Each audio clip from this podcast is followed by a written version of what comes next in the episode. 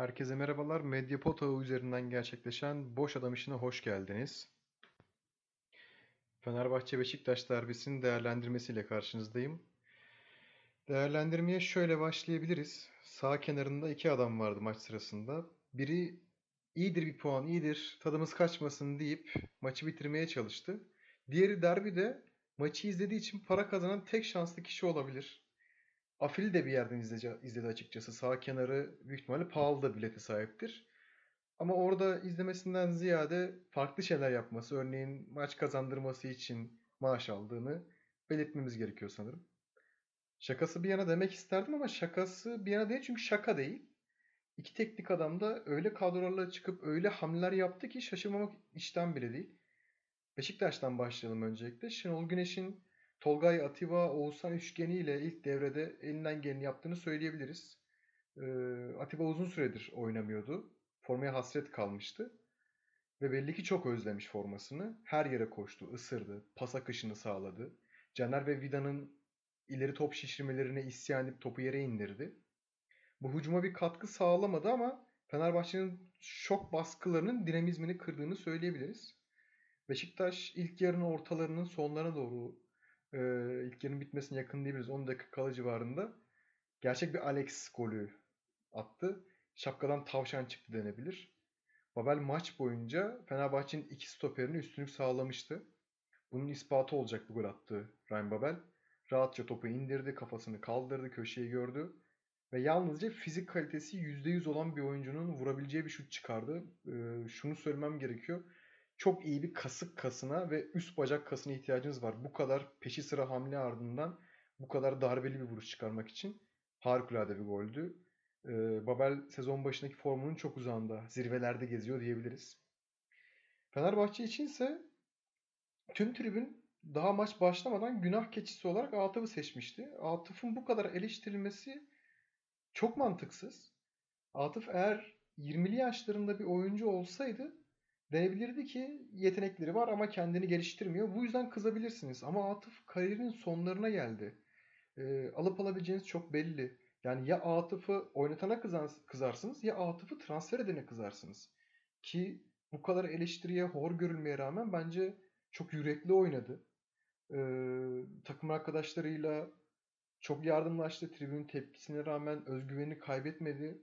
Yani kendi verebileceğinin her şeyini verdi. En fazlasını verdi sahada Atıf'ın verdiğini vermeyen birkaç tane Fenerbahçeli futbolcu vardı ama onlar hiç bu kadar tepki yükselmedi. Bu çok adaletsizce geldi bana. Örneğin Şener'e kızabilirsiniz. Şener daha kariyerinin sonlarında değil ortalarında ve bir pozisyonuna göre yaşı kesinlikle geçkin değil. Hala yeteneklerine çok şey katabilir. Ama Bursa Spor'dan geldiğinin çok gerisinde olduğunu çok rahat söyleyebiliriz. Keza e, Şener'in bu risk almayışının zirve noktası olarak Mehmet Topal'ı gösterebiliriz. Topla dripling yapabilen bir oyuncu. Bu birçok kişi açısından belki göz ardı ediliyor ama Mehmet topla ileri çıkabilen bir oyuncu. Ceza sahasında koşu yapması gereken bir oyuncu. Ceza sahasında maç içerisinde 4-5 defa içeri hamlelerde bulunması gereken bir oyuncu. E, nitekim riskli pasları, tehlikeli, derin pasları denemesi gereken bir oyuncu. Bu saydıklarımın hiçbirini yapmıyor Mehmet Topal. Herkese son derece iyi kabullendirmiş Mehmet Topal bunları yaparı ve asla eleştirilmiyor. Ama ne hikmetse Atıf çok eleştiriliyor. Ee, keza Ayev İngiltere'den geldi. Fizik kalitesinin çok daha yüksek olmasını beklersiniz. Ama Ayev ikili mücadelelerde ayakta kalamıyor. Topu çok fazla eziyor. Sezon başından beri bir umut vaat edecek durum yok. Evet gol atan isimli. Ceza sahasına girmesi çok iyiydi ama bu Koku'nun biraz da yönlendirmesiyle oldu. Kendi e, özel yeteneklerinin farkında olup da bunu sergileyen bir hamle değildi bu. Gol atmasına rağmen e, Ayev'in çok iyi bir formda olduğunu söyleyemeyiz. Yani bu oyuncuların eleştirilmesi daha makul karşılanabilecekken Atıf'a vuruluyor. Yani yazık ediliyor Matmazel Atıf'a ne söylenebilir ki? Fenerbahçe sahaya sürdüğü 11'in maksimumunu üretti. Yani sahadaki 11 elinden gelen en fazlasını ürettiğini söyleyebiliriz. Direkten dönen bir top vardı. Çok fazla şans kaçtı, pozisyon kaçtı. İlk yarı 3 tane net pozisyon var Fenerbahçe'nin. Mevcut kadro için e, bu çok iyi bir değer. E, yerleşik hücumda gelmedi bu pozisyonlar. Çoğunlukla rakibinin üzerine çok baskılarda geldi. Orada kazanılan toplarda örneğin e, Atıf'ın içeri girip kafa vurduğu pozisyonda soldan gelişen akın öncesi Quaresma topu sadece izledi ve hızlı bir taş atışının kullanılmasıyla o pozisyonda oldu. Yani Fenerbahçe rakip sahaya yerleşip iyi paslaşıp kendilerine boş alanlar yaratıp buradan elde ettiği pozisyonla bu şansları elde edemedi. İkinci yarıda Şenol Güneş'in gidişatı izleyip ona göre hamle yapma isteği makul görülebilir. Ama Koku'nun 55. dakikaya kadar neyi beklediğini anlamak mümkün değil. Tamam sağ kenarında maçı izliyorsun ki eminim koltuklarda çok rahattır. Ama bir de maaş alma sebebi var Koku'nun.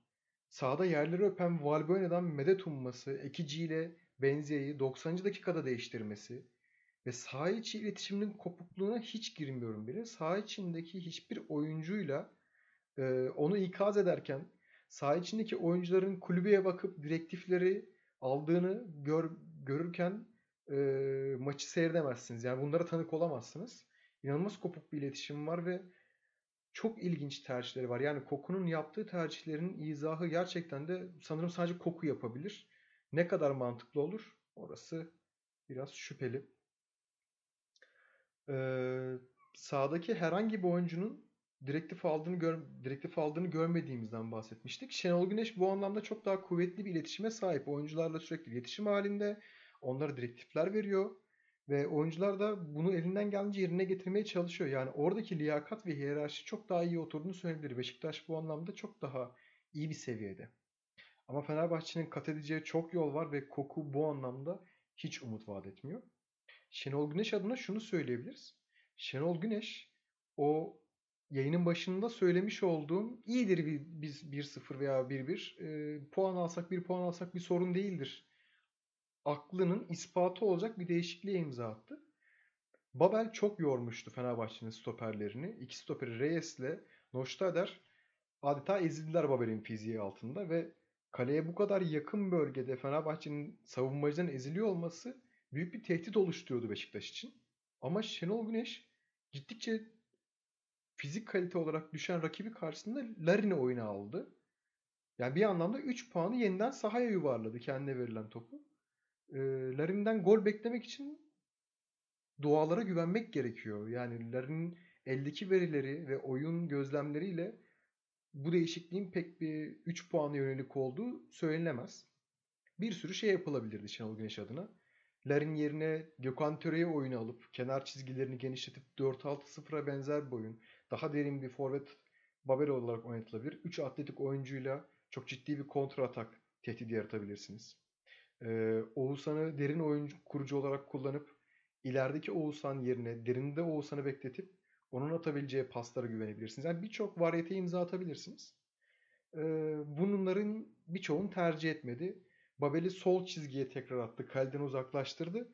Babel'in bu kadar rakip stoperleri ezerken oradan uzaklaştırılması Fenerbahçe'ye bir ikram oldu diyebiliriz.